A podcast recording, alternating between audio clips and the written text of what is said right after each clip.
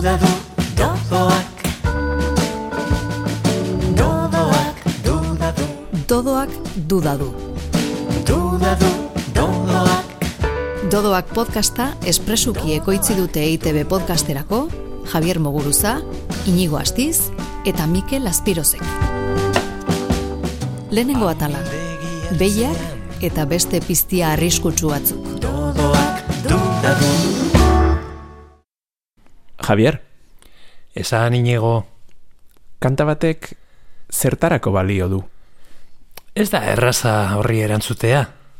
baina egon badago erantzuna orduan. Akaso erantzun bat baino gehiago egongo da. Nik nirea daukat. Ta kontatuko didazu, Begira, imaginatu oian bat. Piztiaz beteta dago oian hori. Entzuten duzu, ez da? entzun bai, baina ikusi ez dute zer ikusten. Hori gertatzen da gehienetan.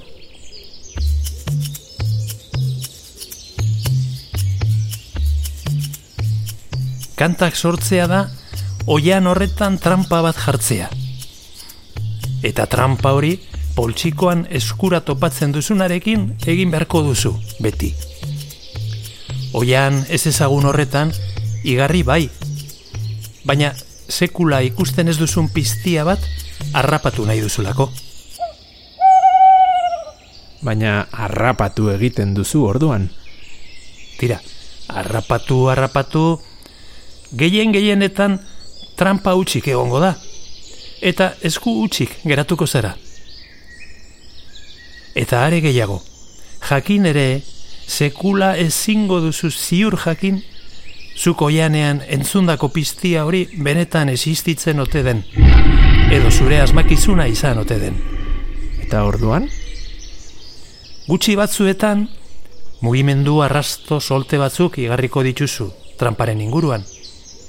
Eta inoiz, animaliaren bat trampan bete-betean erortzen bada, orduan ere ez zara guztiz lasai geratuko. harrapatu egin duzu eta Bai, baina beti geratuko zaizu susmori. susmoa?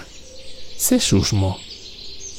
Susmo hori, harrapatu duzun animalia hori, agian, ez dela hasieran igarri zenuen piztia ura, baizik eta beste bat.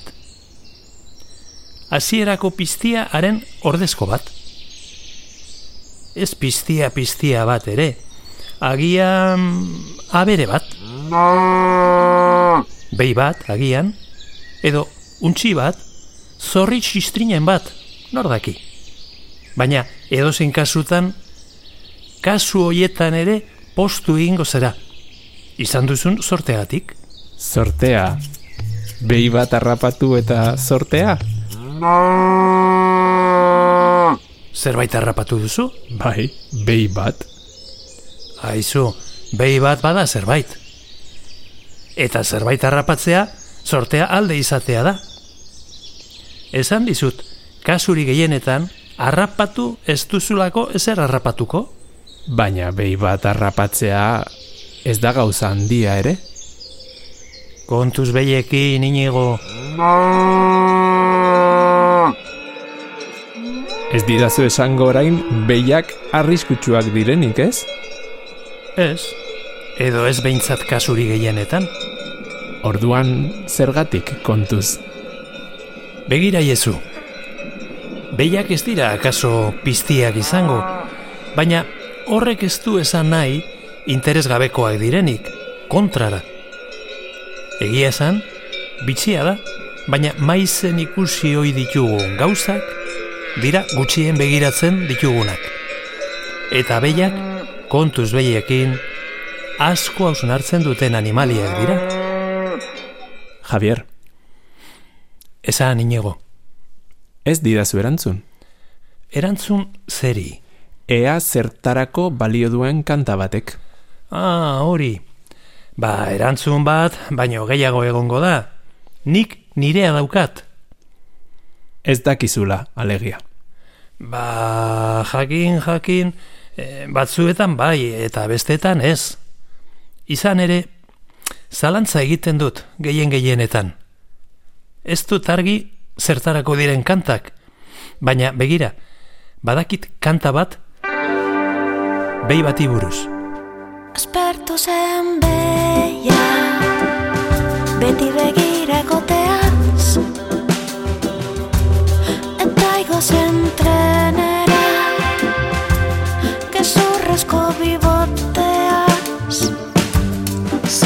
Zeharkatu zituen Belardi eta mendia. Eta azkar gurutzatu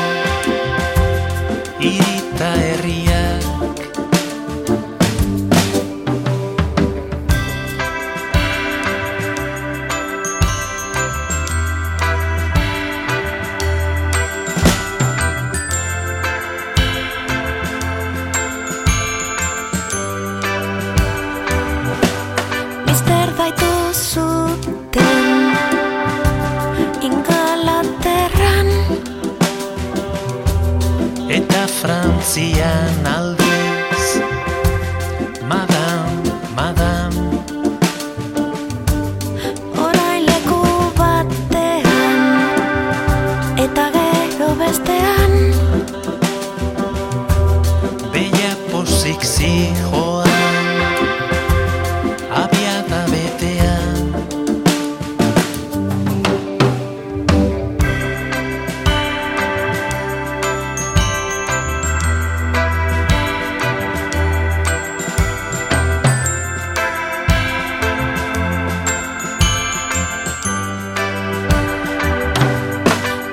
Eta